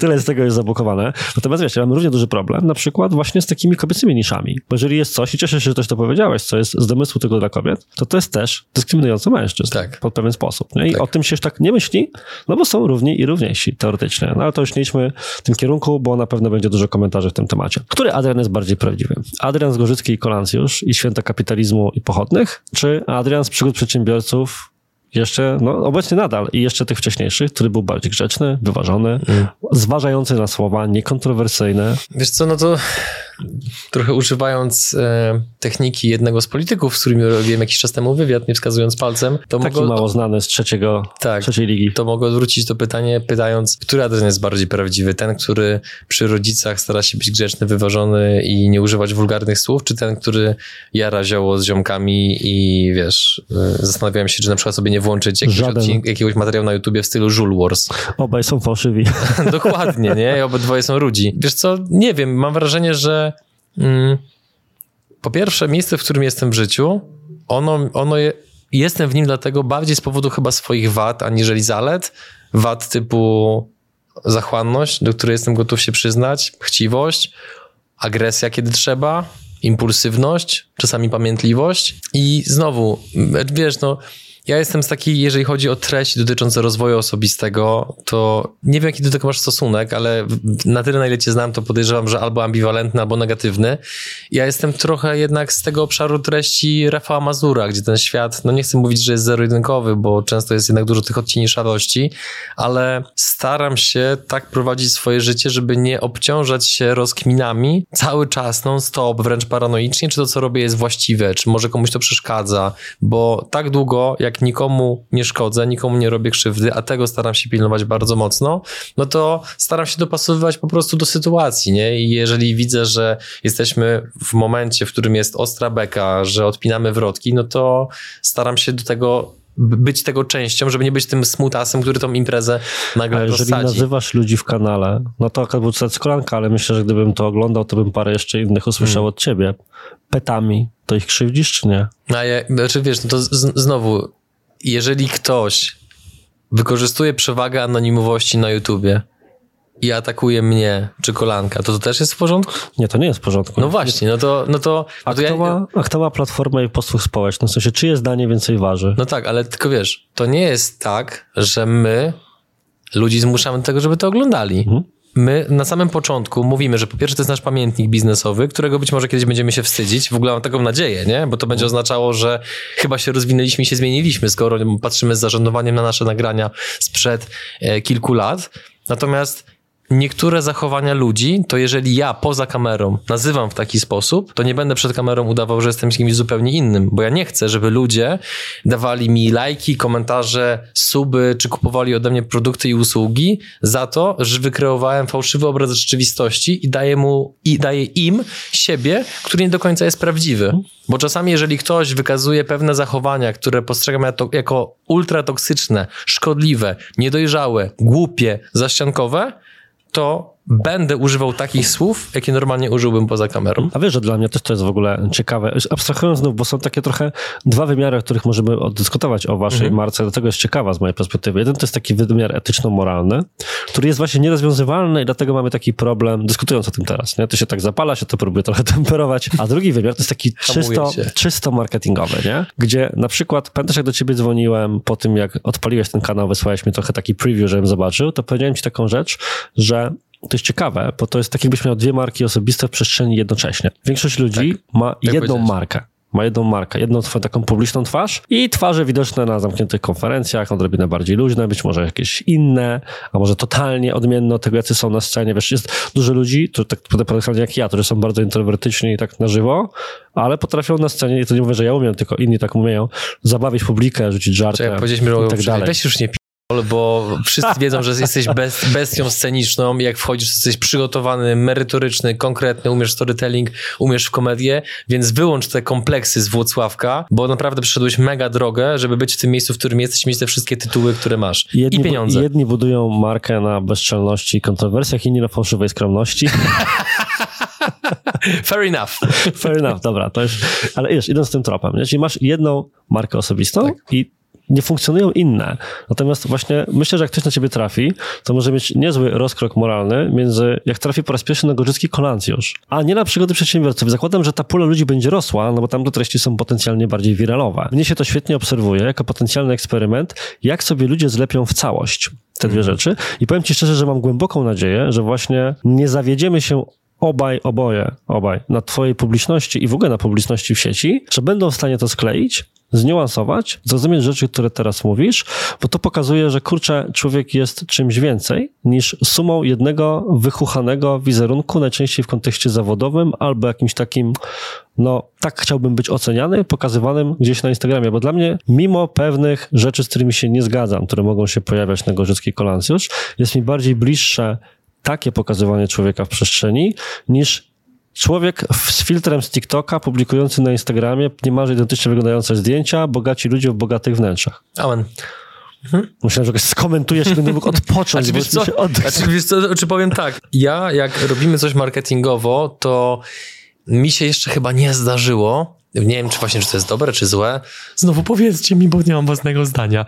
E, nie wiem, czy to jest dobre, czy złe, że ja, jak siadamy na przykład z Bartkiem, żeby rozkminić jakiś nowy produkt, jakąś nową usługę typu święto kapitalizmu, to my nie przykładaliśmy żadnych, wiesz, matryc marketingowych, nie robiliśmy żadnych konsultacji a propos tego, w którym kierunku powinien iść brand, tylko to było takie, kurde, takie mam wrażenie... Nie, żebyś miał kolegów, którzy się specjalizują w takich rzeczach, nie? W ogóle, nie? Jakby w ogóle, nawet telefonu do nich przecież nie mam, nie? I nawet z nimi na Instagramie nie gadam, co ty, absolutnie. Nigdy. I to za każdym razem po prostu było takie chyba bardzo pierwotne, to wychodziło z takiego bardziej z pytania, z czym my się będziemy dobrze czuć, aniżeli z tego, co się opłaca, co wypada, co pasuje do obecnej narracji, no bo to nawet mi mój brat wczoraj na to zwrócił uwagę, bo to była taka jedna nieprzyjemna sytuacja z takim jednym gościem, który właśnie po pijaku do mnie napisał, no i przecież jak ktoś jest osobą publiczną, to można mu nawrzucać i żadnych konsekwencji, no nie? Więc czekaj na pismo e, od moich prawników, zobaczymy jak wtedy zatańczysz ze swoim solarium i alkoholem.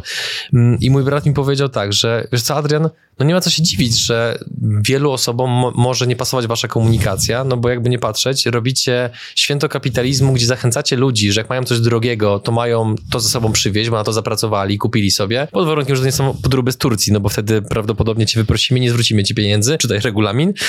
E, żartuję oczywiście, znaczy nie, nie zwracam pieniędzy. Ale coraz więcej osób może mieć o to e, pewien problem, no bo z jednej strony mamy szalejącą inflację, mamy wojnę, te wszystkie inne czynniki makroekonomiczne, które umówmy się w tej chwili w opinii większości ludzi nie są sprzyjające. E, natomiast jakby w całym społeczeństwie nadal znajdują się e, szaleńcy albo pionierzy, którzy kryzysy postrzegają jako szansę i możliwości do po prostu zarobienia pieniędzy. I znowu, ja nie analizowałem naszej komunikacji marketingowej w jakimkolwiek szerszym ujęciu, tylko w tym, czy to jest z nami zgodne. Bo jak to jest z nami zgodne, to ja potem mogę wyjść z czystym sumieniem przed kamerę i nagrać reklamę, której nikt inny, mając wychuchany wizerunek, by nie nagrał, bo by się bało konsekwencje, nie? Jezus, powiem ci, że myślałem, że ja mam tendencję do. Teraz wiem, jak się czują ludzie, którzy mi zadają pytania. to jest straszne uczucie, słuchaj. Jeszcze, ja tak cię słucham, próbuję łączyć wątki. Boże, Jezu, jestem zmęczony słuchaniem bardziej niż gadaniem. tak, to jest drenujące. To jest drenujące. Natomiast wiesz, to tutaj chciałem powiedzieć dwie rzeczy. Pierwsza to, że widać, że dużo się nauczyłeś od pana premiera, jeżeli chodzi o rozdmuchiwanie wątków odpowiedzi. I to jeszcze taki trochę obok. A drugi jest absolutnie poważny, to tylko takie pytanie, czyli Gorzycki Kolancjusz jako konwencja kanału nie było wyrachowaną decyzją, tylko potrzebą właśnie jaką? Jakąś taką osobistą, typu tacy chcemy się jednak pokazać, chcemy się teraz odsłonić. Wiesz o co chodzi, bo jestem, mhm. jestem w stanie wyobrazić, że ktoś to ogląda i mówi, są dwie potencjalne reakcje. Tak. Jedna, no, odwaliło chłopakom i teraz widzimy prawdziwych ich. To jest pierwsza skrajna opcja. Tak. A druga, a widzą, że się kontrowersje klikają, więc teraz jadą pod publikę, bo to się będzie klikać. Mhm. A gdzie jest prawda? Prawda leży w miejscu, że ten kanał powstał z potrzeby, ponieważ chętnych do wystąpienia w przygodach było na tyle dużo, że fizycznie nie było po prostu przestrzeni, żebyśmy tam mogli nagrywać własne materiały, ponieważ gdybyśmy mieli to robić, to by się odbywało kosztem po prostu innych gości. A uznaliśmy, że mamy tak duży przekrój różnych gości. Oczywiście pomijając fakt, że często są osoby od nieruchomości i tak dalej, tak, mam świadomość tych zarzutów, jasne. I Dziwne, mamy... czyżby nieruchomościowcy mieli najwięcej pieniędzy? Pomidor, nie? Więc wolimy na przygodach mieć bardzo, bardzo różnorodne treści, od nieruchomości przez kryptowaluty, RODO, digital marketing czy inne rzeczy, a po prostu na kanale Gorzycki Kolancjusz chcieliśmy właśnie wrzucać swoje przemyślenia, które mają być tylko i wyłącznie w formie, tak jak powiedziałem wcześniej, naszego pamiętnika. Dlatego też mamy wyłączone komentarze, bo nie chcemy, żeby jakiekolwiek opinie z zewnątrz, ludzie wykorzystujący anonimowość YouTube'a, że będą nam wrzucali coś tam w tych komentarzach i czy tego chcesz, czy nie, niezależnie od tego, ile masz doświadczenia, to na 10 dobrych, dobrych komentarzy i wiadomości, jak dostaniesz jedną złą, to pamiętasz tą złą. Koniec końców. Oczywiście, tak. I więc powstał, powstało to z potrzeby i troszeczkę chyba z braku pomysłu, jak to powinniśmy generalnie ubrać, więc pierwsze cztery czy pięć odcinków nagraliśmy na takiej zasadzie, gdzie nie pamiętam, czy to Bartek rzucił, czy ja, na zasadzie ty, nagrajmy odcinki w taki sposób, i gadamy za sobą. Koniec kreatywności, nie? Koniec rozkminy, koniec burzy mózgów, koniec analizy. No i po prostu zaczęliśmy ze sobą rozmawiać, analizując jakieś tam różne przypadki, zdarzenia. I też, co ciekawe, dla mnie osobiście ten kanał jest takim miejscem, w którym mogę trochę czasami wylać swoją frustrację na pewne takie tempe i szkodliwe zachowania również w biznesowym świecie, gdzie na przykład trafi się klient, który wykorzystując swoją pozycję ekonomiczną i swoje doświadczenie, nagle odzywa się do naszej pracownicy w sposób taki, że to jest to jest tak niewłaściwe, tak niesmaczne, że tak, ja mam ochotę to skomentować publicznie, żeby właśnie na przykład ten kanał był takim trochę ostrzeżeniem, że jak wobec nas, naszego zespołu, zachowasz się w jakiś sposób bardzo szkodliwy, bardzo agresywny, okradniesz nas, w pewien sposób y, zgnoisz naszego pracownika, trzeba takich słów użyć, bo ta, była taka sytuacja, to ja tym nagram odcinek. Kto wie, może padnie imię i nazwisko. Zobaczymy. Hmm? Wiesz co, więc ten kanał tak naprawdę spełnia szereg różnych celów, ale te cele, one, my je dostrzegamy dopiero w trakcie już rozwijania samego kanału, aniżeli, że usiedliśmy wcześniej, podrapaliśmy się po głowie i dobra, pyk, cyk, myk, taka strategia, robimy, działamy, jakoś to będzie. Tak nie było. To był totalny spontan i to, że to w pewien sposób wyszło i że odnalazło swoich e, odbiorców, którzy najczęściej są zarobasami, pozdro dla was, bo często jest tak, że ktoś podchodzi, sztura mnie łokciem, żeby mówić ten ostatni odcinek, kurde, ale tam żeście dojechali, zajebiste, zajebiste. I to nie są studenci, to nie są łonabisty, to są ludzie, którzy mają po dziesiątki często pracowników, którzy mówią, kurde, na tym kanale mówicie, jak to wygląda od kulis. Po prostu. Mhm. Znaczy, wiesz, y, to jest ciekawe, co mówisz pod tym kątem, że pewnie w chwili, gdy ten odcinek się ukaże, ja opublikuję posta, który mi chodzi po głowie po jak, od jakiegoś czasu, bo e, a propos rozumienia niuansów przez internet. Ostatnio publikowałem posta o tym, że ja weryfikuję osoby, z którymi e, chcę współpracować, patrząc na ich social media. I po pierwsze, to nie jest jedyne, czym weryfikuję, tak? Po drugie, to nie chodzi o szukanie głośnych nazwisk, bo nie jestem na tyle głupi, żeby nie potrafić się przez sreberko przedrapać i zobaczyć, czy jestem jakiś meritum, czy nie. Mhm. Mhm. Ale jeżeli mam na przykład firmę, z którą mam coś zrobić, to lubię zobaczyć, czy prezes po drugiej stronie, czy ktoś jest aktywny publicznie. Potem też pokazuje, jak ktoś się jara tym, co robi na przykład, że jest merytoryczny, mimo że jest na szczycie. Znam dużo ludzi, którzy po prostu są właścicielami jakiejś firmy, nawet nie bardzo wiedzą, czego ona dotyczy i tak to wygląda. A z drugiej strony, drugi post dokładnie z tej samej serii powie mi jeszcze to, że ja lubię marki osobiste i ich budowanie i takie rzeczy jako formę prewencji. Też przed mhm. czymś takim, co mówisz, czyli że ja, ponieważ jestem człowiekiem z definicji naiwnym i teraz można mi różne skamy próbować naciągnąć, pewnie się dam złapać. Traktuję markę osobistą jako formę prewencji, że jak ktoś kogoś będzie chciał oszukać, to ja mogę być ostatni na tej liście do oszukania. Bo jak mnie oszukasz, to ja z tym zrobię dym i mam jeszcze platformę, na której mhm. mogę zrobić dym. Mimo, że mam generalnie grzeczny wizerunek, i generalnie jestem grzecznym człowiekiem raczej, jest mniejsze ryzyko, że wstawię to w swój kanał niż takie, że ty w swój, ale zawsze mogę. I mam platformę, mam ludzi, którzy to podbiją, zamplifikują gdzieś dalej, zawsze dzwonię do ciebie mówię, ty, mam story na Gorzycki Kolancjusz. Dawaj. I jedziesz, nie? Jak wy macie również jakieś patologiczne historie o waszych szefach, wspólnikach, pracownikach, to proszę piszcie na kontakt małpa przygody TV, przyjmę każdą ilość. Im bardziej, im Adrian bardziej zbiera, chore, zbiera tym haki na kolegów. Prawdziwe czy nie, to nie jest istotne. Tym się nie przejmujmy. Tym się nigdy nie pozwólmy, żeby prawda zepsuła dobrą historię. Oczywiście, ja zawsze mówię ludziom, że co z tego, że jest kłamstwo, skoro ładnie wymyślone. Idąc dalej, do takiego jeszcze jednego wątku, który chciałem poruszyć, bo gadamy już dość sporo. I trochę też budując na podstawie Gorzyckiej Kolancjusz, a robiąc z tego most do przygód przedsiębiorców. Powiedz mi, czy jest jakaś rzecz, którą powiedziałeś kiedyś e, publicznie, bo w nią wierzyłeś i tak myślałeś i teraz już tak nie myślisz? To, jest, to jest taki rodzaj pytania, a. że aby na nie móc odpowiedzieć z pełną szczerością mhm. i przekonaniem, ja musiałbym je dostać co najmniej dzień przed wywiadem, nie? Domyślam się. Bo prawda jest taka, że ja trochę bardziej stanowczo zajmuję pewne opinie w przestrzeni publicznej, nie od pięciu lat, jak istnieją przygody, tylko mhm. mniej więcej od roku, może półtora. To jest mniej więcej ten odcinek czasu. Na ten moment mi nie przychodzi nic do głowy, z czego chciałbym się w jakiś sposób wycofać, albo czego żałuję. Mhm. Czasami jest tak, że dotykamy jakichś wątków.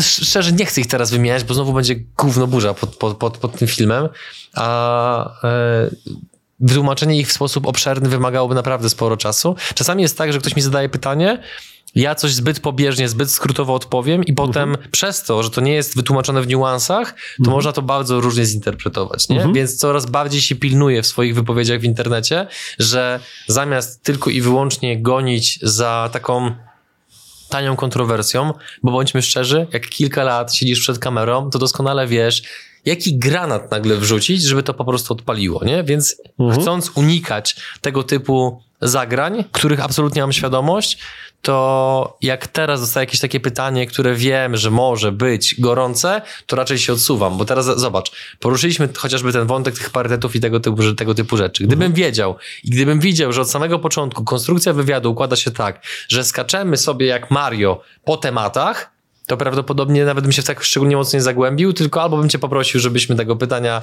nie ruszali, albo żebyśmy poszli dalej, albo coś bym powiedział takiego bardzo dyplomatycznego i bardzo wymijającego, ale przez to, że dałeś mi przestrzeń, to się wygadałem. W tym przypadku, na ten moment przynajmniej, nie żałuję chyba niczego, co powiedziałem. Kurde, naprawdę chciałbym Ty się znaleźć, wygadałeś, nie? ty się tak wygadałeś, ja z tego zrobię rolkę i tak będziesz miał gównoburze. Zajebiście. Więcej obserwujących. Odkąd są te gównoburze, to z 6 tysięcy obserwujących skoczyłem do 31,5 na dzień nagrywania wywiadu, więc e, już pomijam fakt, że Instagramem sprzedaliśmy loże kapitalistów oraz w sumie jakby zabraliśmy inwestorów pod więcej. Pomijam, kto był kluczowym inwestorem, bo ta osoba pewnie chciałaby zachować ja jestem, anonimowość. Ja jestem oficjalnie ubogi, chyba, że to nie o mnie. Więc tak, e, idźmy dalej.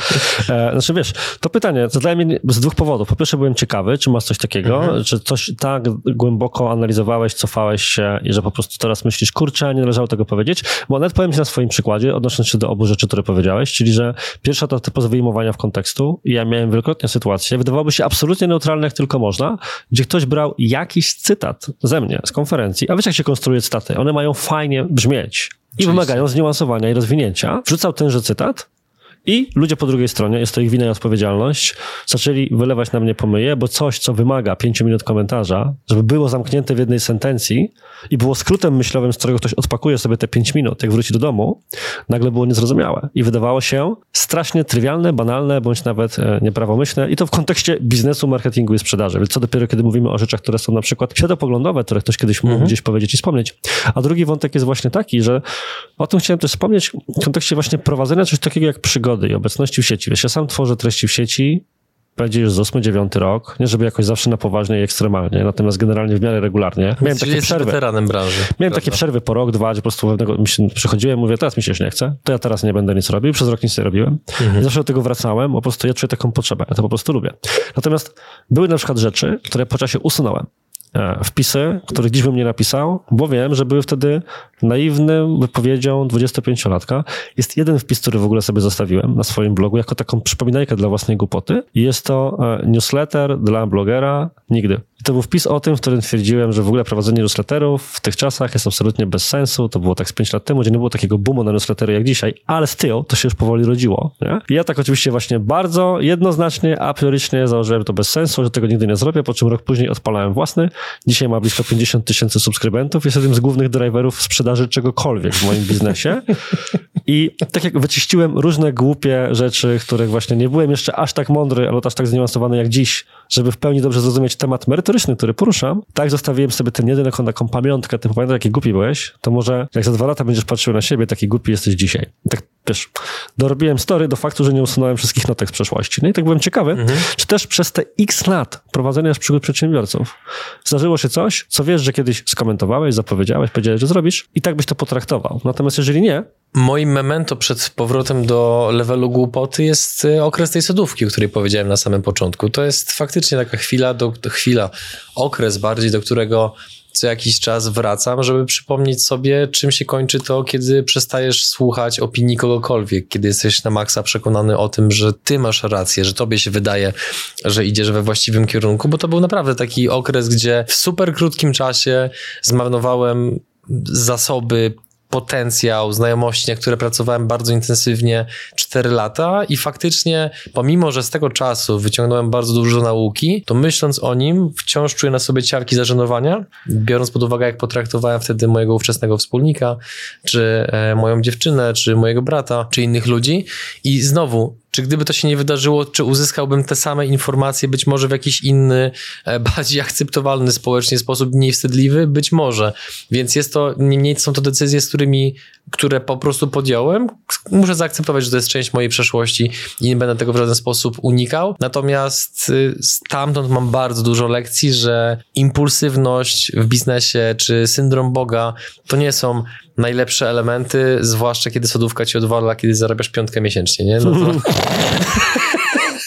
niech to będzie puenta tego, jak bardzo był to po prostu e, poryty i nieprawdopodobny czas dla mnie. Nie? Z, z, jakiego poziomu musiałem mentalnie wychodzić, że tego typu kasa spowodowała tego typu konsekwencje.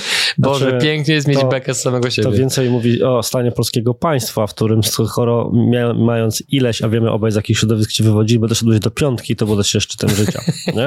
Więc to, to jest takie półśmieszne, półstraszne. Natomiast w takim razie jeszcze jeden ostatni wątek, już naprawdę pogadamy całkiem długo, jest następujący. Czy wyobrażasz sobie moment, w którym przestajesz być prowadzącym przygody przedsiębiorców? To jest taki temat, do którego bardzo często wraca mój wspólnik Bartek, ponieważ chciałby on... A co jak I... przejdziecie samochód, na przykład Seat Leon? Dokładnie, z, z gościem, który ma dwubiegunówkę za kierownicą, nie? Jakby no różnie może być.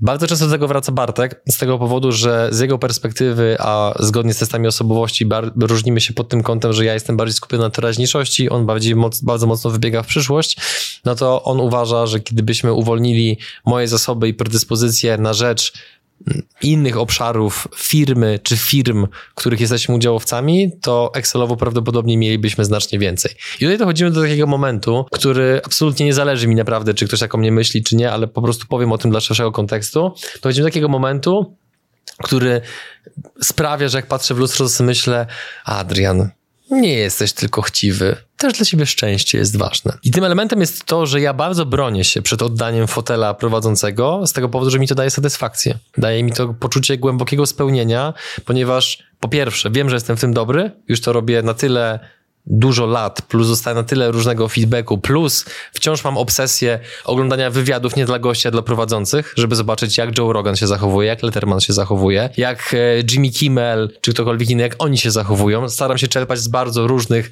formatów, żeby potem to w pewien sposób wplatać zarówno do przygód, czy też czasami do gorzyckich kolancjusz, bądź do wystąpień scenicznych. Rozmawianie z drugim człowiekiem i umiejętność odkrywania jego historii, jego doświadczeń, jego wiedzy, rozpakowywanie tego i dawanie tego tysiącom ludzi, to jest dla mnie powód do tak głębokiej satysfakcji, że już to powiedziałem Bartkowi, że ja jestem w stanie ograniczyć liczbę wywiadów w jakiejś tam formule, jak sobie przyjmiemy jakiś powiedzmy mm, algorytm, system, że okej, okay, z tymi gośćmi robi Gorzycki, z tymi gośćmi robi być może inny redaktor, którego prawdopodobnie bym szkolił, to zmniejszenie spoko odebranie całkowicie, biorąc pod uwagę, ile mi to daje radochy, pomimo, że to już trwa 5 lat i na, w samym marcu mamy w tej chwili, który? Powiedziałeś Dzień po 7-0. Szósty. Szósty. W samym marcu mam do zrobienia 16 wywiadów, nie? I czy to mnie przeraża? Nie. Jakby wiem, że to się będzie wiązało z dużym wysiłkiem fizycznym, ale to daje mi takie, taką satysfakcję i taką radochę, że nie chcę tego oddawać, nie? Po prostu nie chcę. Mm. A czy w takim razie przygody przedsiębiorców to nie są trochę przygody Gorzyckiego? No być może tak, nie? No, a, wiesz co, nie wiem, zastanawiałem się nad tym, nie? No. Wiesz, pod kątem budowania biznesu, który jest transferowalny i sprzedawalny. Biznes taki jak wasz jest niesprzedawalny. E, to prawda, natomiast ja nie budowałem tego biznesu po to z założeniem na sprzedaż, bo wtedy byłem za głupi, żeby w ogóle myśleć w takich kategoriach. Teraz trochę tego doświadczenia jest więcej i więcej mądrych głów dookoła, z którymi można przegadywać pewne rzeczy. Dlatego na przykład chociażby YouTubex, który swój pierwiastek i korzenie wywodzi z przygód przedsiębiorców, no to on jest budowany w taki sposób, że ja tam operacyjnie jestem już nieaktywny, mniej więcej z rok albo półtora. Marlena z Tomkiem zostali udziałowcami tego. To jest chyba najbardziej, prawdopodobnie najbardziej sprocesowany obszar w naszej grupie. Tak samo święto kapitalizmu oczywiście jest cały czas bardzo mocno związane z nami, ale są pewne pomysły, jak to zrobić, żeby utrzymać klimat, a jednocześnie móc się z tego wypiąć. Lody, no to tam to praktycznie mój wizerunek był używany przede wszystkim na samym początku do zbierania kapitału i wszystkie inne spółki, które w tej chwili będziemy robili, no to one będą wykorzystywały częściowo moją markę osobistą, ale będą budowane tak, że to nie jest warunek konieczny, żeby ona funkcjonowała, żebym ja w tą firmę był zaangażowany.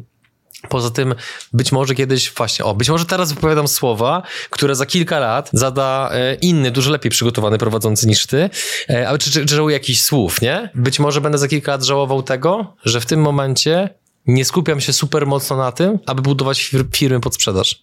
Bo ja buduję firmy bardziej pod zabawę po to, żeby rozwiązywać jakieś problemy, żeby poznawać ciekawych ludzi, żeby sprawdzić, czy to, że nam wyszło w jednym obszarze, jest do powtórzenia w drugim, w trzecim, czwartym. Trochę jak taki piłkarz, który zdobył Premier League, ale jeszcze marzy o Lidze Mistrzów, czy jakichś powiedzmy innych trofeach na innych boiskach, na innych turniejach, nie? Więc ja myślę bardziej w, taki, w takich kategoriach, bo przez to, że wiem skąd pochodzę, to dla mnie dobrobyt nie jest oczywistością. To nie jest stan, do którego jestem przyzwyczajony od, od, najmłodszych lat, bo już to mówiłem w kilku miejscach. Ja do dzisiaj pamiętam że, i jestem tym chłopakiem, który prosił mamę, żeby kupowała mu buty na rzepy, bo się bał, że jak będę miał zawiązane, to po lekcji WF-u, jak będę musiał je zawiązać ponownie, też nie będę, nie będę umiał.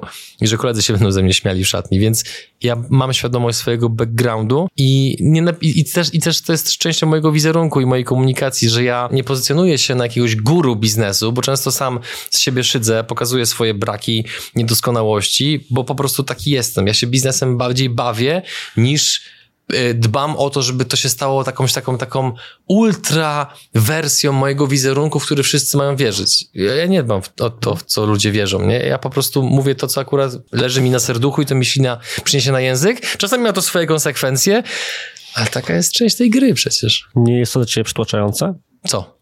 To, że tak wiele ludzi słucha tego, co mówisz. Niektórzy są w ciebie zapatrzeni totalnie niesłusznie, jak święty obrazek. E, w sensie, wiesz, dla mnie zawsze bycie głosem społecznym, że ja jestem, tak natomiast generalnie jakbym był, to bycie głosem, którego się słucha, byłoby nie tyle paraliżujące, ale strasznie trudne do ogarnięcia. Od razu się włącza automatyczny mechanizm autocenzury. W sensie, co wypada powiedzieć, co nie. I oprócz tego właśnie, żeby nie strzelić sobie samemu w stopę żartami niekonkretnie nieodpowiedniego typu. E, po drugie, żeby ktoś ci czegoś nie wyciągnął, bo właśnie powiedziałeś to in the hit of the moment, czy jakiejkolwiek innej sytuacji, ale też trochę pod tym kątem, że tak jak mówiłem na święcie kapitalizmu w swojej prezentacji, możesz najwięcej, paradoksalnie powinieneś najmniej żeby się ugryźć język, czegoś nie powiedzieć, bo to, co ty powiesz, i to robimy taką trochę pętlę do tego, co, co próbowałem przekazać w kontekście świętego kapitalizmu, hmm. że ty możesz mieć jakąś intencję i teoretycznie nie jesteś odpowiedzialny za to, jak ktoś to zinterpretuje, ale wiesz, jak może to zinterpretować, wiesz, jacy są ludzie, bo nie robisz to dziś i sam powiedziałeś, że potrafisz wyinterpretować i pojawia się pytanie, czy powinieneś. Możesz? A czy powinieneś? Teraz nie wracając do poziomu świętego kapitalizmu, bo ten temat bardziej bym chciał zostawić, że to jest kwestia do oceny czyjejś indywidualnej interpretacji, ale właśnie w kontekście bycia nie tyle góry biznesu, bo wiem, że sam się tak nie tytułujesz, ale osobą, która dla wielu jest tym sposobem, w jaki, który formuje, jak biznesmeni czy przedsiębiorcy aspirujący bądź doświadczeni mogą myśleć. Czy to nie jest pewien sposób, właśnie, albo autocenzurujące, choć Korzycki Kolan już pokazuje, że nie, a z drugiej strony, w takim razie, czysto na poziomie tego, jak ty się czujesz, destruktywne, trudne, ograniczające? Przez to, że mam świadomość tego, że pod kątem jednoczesnego występowania kilku, kilku elementów, jakimi jest pewne umiłowanie dla biznesów, dla biznesu, pewien szacunek dla przedsiębiorców, którzy często toczą te, te kwadratowe koła. E, z drugiej strony mam świadomość tego, że moje umiejętności komunikacyjne są odrobinę większe niż przeciętnie. To, że kamera mnie już dawno nie stresuje, to, że nie boję się sceny, to jeżeli swoją pracą mogę z mojej perspektywy wykonywać bardzo pożyteczny obowiązek, zadanie, jakim jest odczarowywanie pewnego piętna, które wciąż przedsiębiorcy, prywaciarze, badylarze, krwiopijcy, wyzyskiwacze niosą na sobie w wyniku tego, że jednak trzeba pamiętać, skąd się wywodzimy. Za nami komunizm, dwie wojny, trzy rozbiory. To, że mówimy po polsku, to jest w ogóle jakiś cud. I brakuje mi trochę w przestrzeni publicznej osób, które będą mówiły, że zarabianie jest dobre, że bogacenie się jest szlachetne, że im masz więcej i przy tym, kiedy jesteś jeszcze dobrym człowiekiem, to możesz tworzyć nowe miejsca pracy, wdrażać do użycia nową technologię, robić szereg innych pożytecznych rzeczy, które potem nas otaczają. Bo to, kiedy sobie teraz jakiś hater, czy inny gość, czy gościuwa z bólem tyłka coś tam wypisuje, to trzeba pamiętać, że ten smartfon, ten komputer został zbudowany dlatego, że ktoś był napędzany chęcią bycia pionierem, chęcią zarobienia pieniędzy, chęcią stworzenia czegoś. To nie zostało stworzone dlatego, że ktoś miał po prostu tylko i wyłącznie dobre serce i o, dajmy ludziom płomień niczym Prometeusz. Biznes napędza rozwój całego świata. I biorąc pod uwagę, ilu jest żeby było jasne, nie, nie tytułuję na, rzecznik, na, żadnego rzecznika prasowego polskiego biznesu. Jestem tylko i wyłącznie chłopakiem z Bydgoszczy, który wykorzystując wcześniej wymienione, współwystępujące elementy, wykorzystuje to wszystko razem po to, żeby w pewien sposób być być może głosem dla młodszego pokolenia, które dopiero wchodzi, że hej, nie ma nic złego w tym, że chcesz dużo zarabiać. Nie ma nic złego w tym, że chcesz spać w dobrych hotelach, w dobrych restauracjach, że chcesz dzieciaki posłać do dobrej szkoły, że chcesz żyć na dobrym poziomie. Bo gdyby tym wszystkim ludziom, którzy często są opluwani i atakowani w sposób, uważam, przeważnie niesłuszny, bo żeby było jasne, czy są patologiczni przedsiębiorcy? Pewnie, że są. Tak jak są patologiczni policjanci, politycy, e, czy lekarze, ratownicy medyczni i inni. Zawsze w każdej grupie znajdzie się, znajdą się jednostki, których zachowania czyny, słowa stawia, rzucają bardzo długi cień na wszystkich pozostałych, którzy absolutnie nic nie zrobili. Więc biorąc pod uwagę, jak w obecnych czasach, takie mam wrażenie przynajmniej, wiele osób boi się y, cieszenia się swoim sukcesem, swoim majątkiem, który jest bardzo często wynikiem pracy, to chcę być tym, który ośmiela tych ludzi, czy to przez grzecki kolancjusz, czy przez święto kapitalizmu, czy przez to, jak się komunikuje na Instagramie, żeby się tym kurde cieszyli. Po prostu. To powiem ci, że mm, tutaj mam dwie, trzy uwagi, które chciałem do tego dodać. Nie tyle się pokłócić, tylko dodać. To i tak mało jak na mnie, oczywiście. E, pierwsza jest taka, że najprostsza, najkrótsza. E, rozumiem, co mówisz pod kątem namawiania ludzi, bo sam staram się coraz częściej prowadzić wywiady z przedsiębiorcami, naszymi, naszymi klientami również i tak dalej.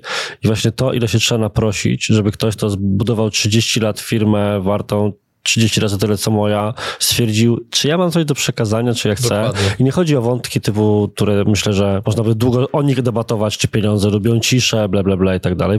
Niektóre tak, niektóre nie i koniec z tym to ci, którzy mogliby to pokazać, nie mają żadnych ograniczeń, żeby tego nie robić, są tak bardzo niechętni i tak bardzo właśnie. I myślę, że po części to jest wątek numer dwa, z którym się bardzo zgadzam, z tego, jak właśnie są postrzegani jako prywaciarz, kułak i tak dalej. A propos, nie wiem, czy wiesz, czy ci o tym w ogóle mówiłem, że moim pierwotnym pomysłem na wystąpienie na święcie kapitalizmu była prezentacja e, Nauczmy dzieci podziwiać przedsiębiorców. Bo tak dokładnie zatytułowany wpis, który publikowałem 6 lat temu. Dokładnie tym. Dlatego jest mi tak bliski, bliska idea czegoś takiego jak przygody przedsiębiorców, bo ja właśnie uważam, że idealnym potencjalnym bohaterem dla kogoś, kto chce się nauczyć samodzielności, rozwoju, rozwiązywania problemów, pokonywania trudności i tak dalej, jest przedsiębiorca, bo on egzemplifikuje w sobie wszystkie te cechy, bo musi. Tak. Bo to ostatnio widziałem taki dowcip piękny. Dlaczego Polak potrafi? Bo musi. Ale z trzeciej strony, żeby jednak podłożyć łyżkę dziegciu do tej beczki miodu na, wiesz, plaster hmm. polskich przedsiębiorców, to powiedziałbym tak. Kojarzę słynne wystąpienie Jacka Walkiewicza odnośnie, no to jest wszyscy z Tereksa to kojarzą, oczywiście. Tak. I tam pada taki piękny cytat. Podróże kształcą, ale tylko wykształconych ludzi. I czemu on mi się z tym kojarzy? Ponieważ mam wrażenie, że biznes może amplifikować, w sensie zwiększać dobre cechy, te, które powiedziałeś, dobrych ludzi, ale może jednocześnie strasznie roztyrać, tych przykładów mamy aż za dużo, cechy ludzi złych, którzy wykorzystają jeszcze fakt, że mają większą platformę dotyczącą biznesu. Ale na koniec dnia wierzę, że większość ludzi jest jednak dobra tak, i że tak to uważam. są ci przedsiębiorcy, których warto światu pokazywać, czy w przygodach, czy na innych kanałach. Lepszy taki przekaz niż kolejny pato stream z czegoś dla młodzieży. Ja bym chętnie w ogóle widział w szkole więcej na przykład lekcji podstaw przedsiębiorczości niż kolejne dokładane religie, łaciny, czy tym podobne rzeczy. Najlepiej prowadzone przez praktyków, nie? A nie nauczyciela, który sobie po prostu dorabia dodatkowe godziny. No ale to... To jest patologia polskiego systemu edukacji, o których moglibyśmy osobną serię nagrać i z tobą jest nie jedną osobą. Także e, myślę, że w tym miejscu postawimy kropkę. Bardzo ci dziękuję, Adrian, że przyjąłeś zaproszenie do tego. Mam ja takie wrażenie, że spełniłeś oczekiwania, które miałem, czyli że pogadamy sobie i nie będzie z tego żadnych wniosków.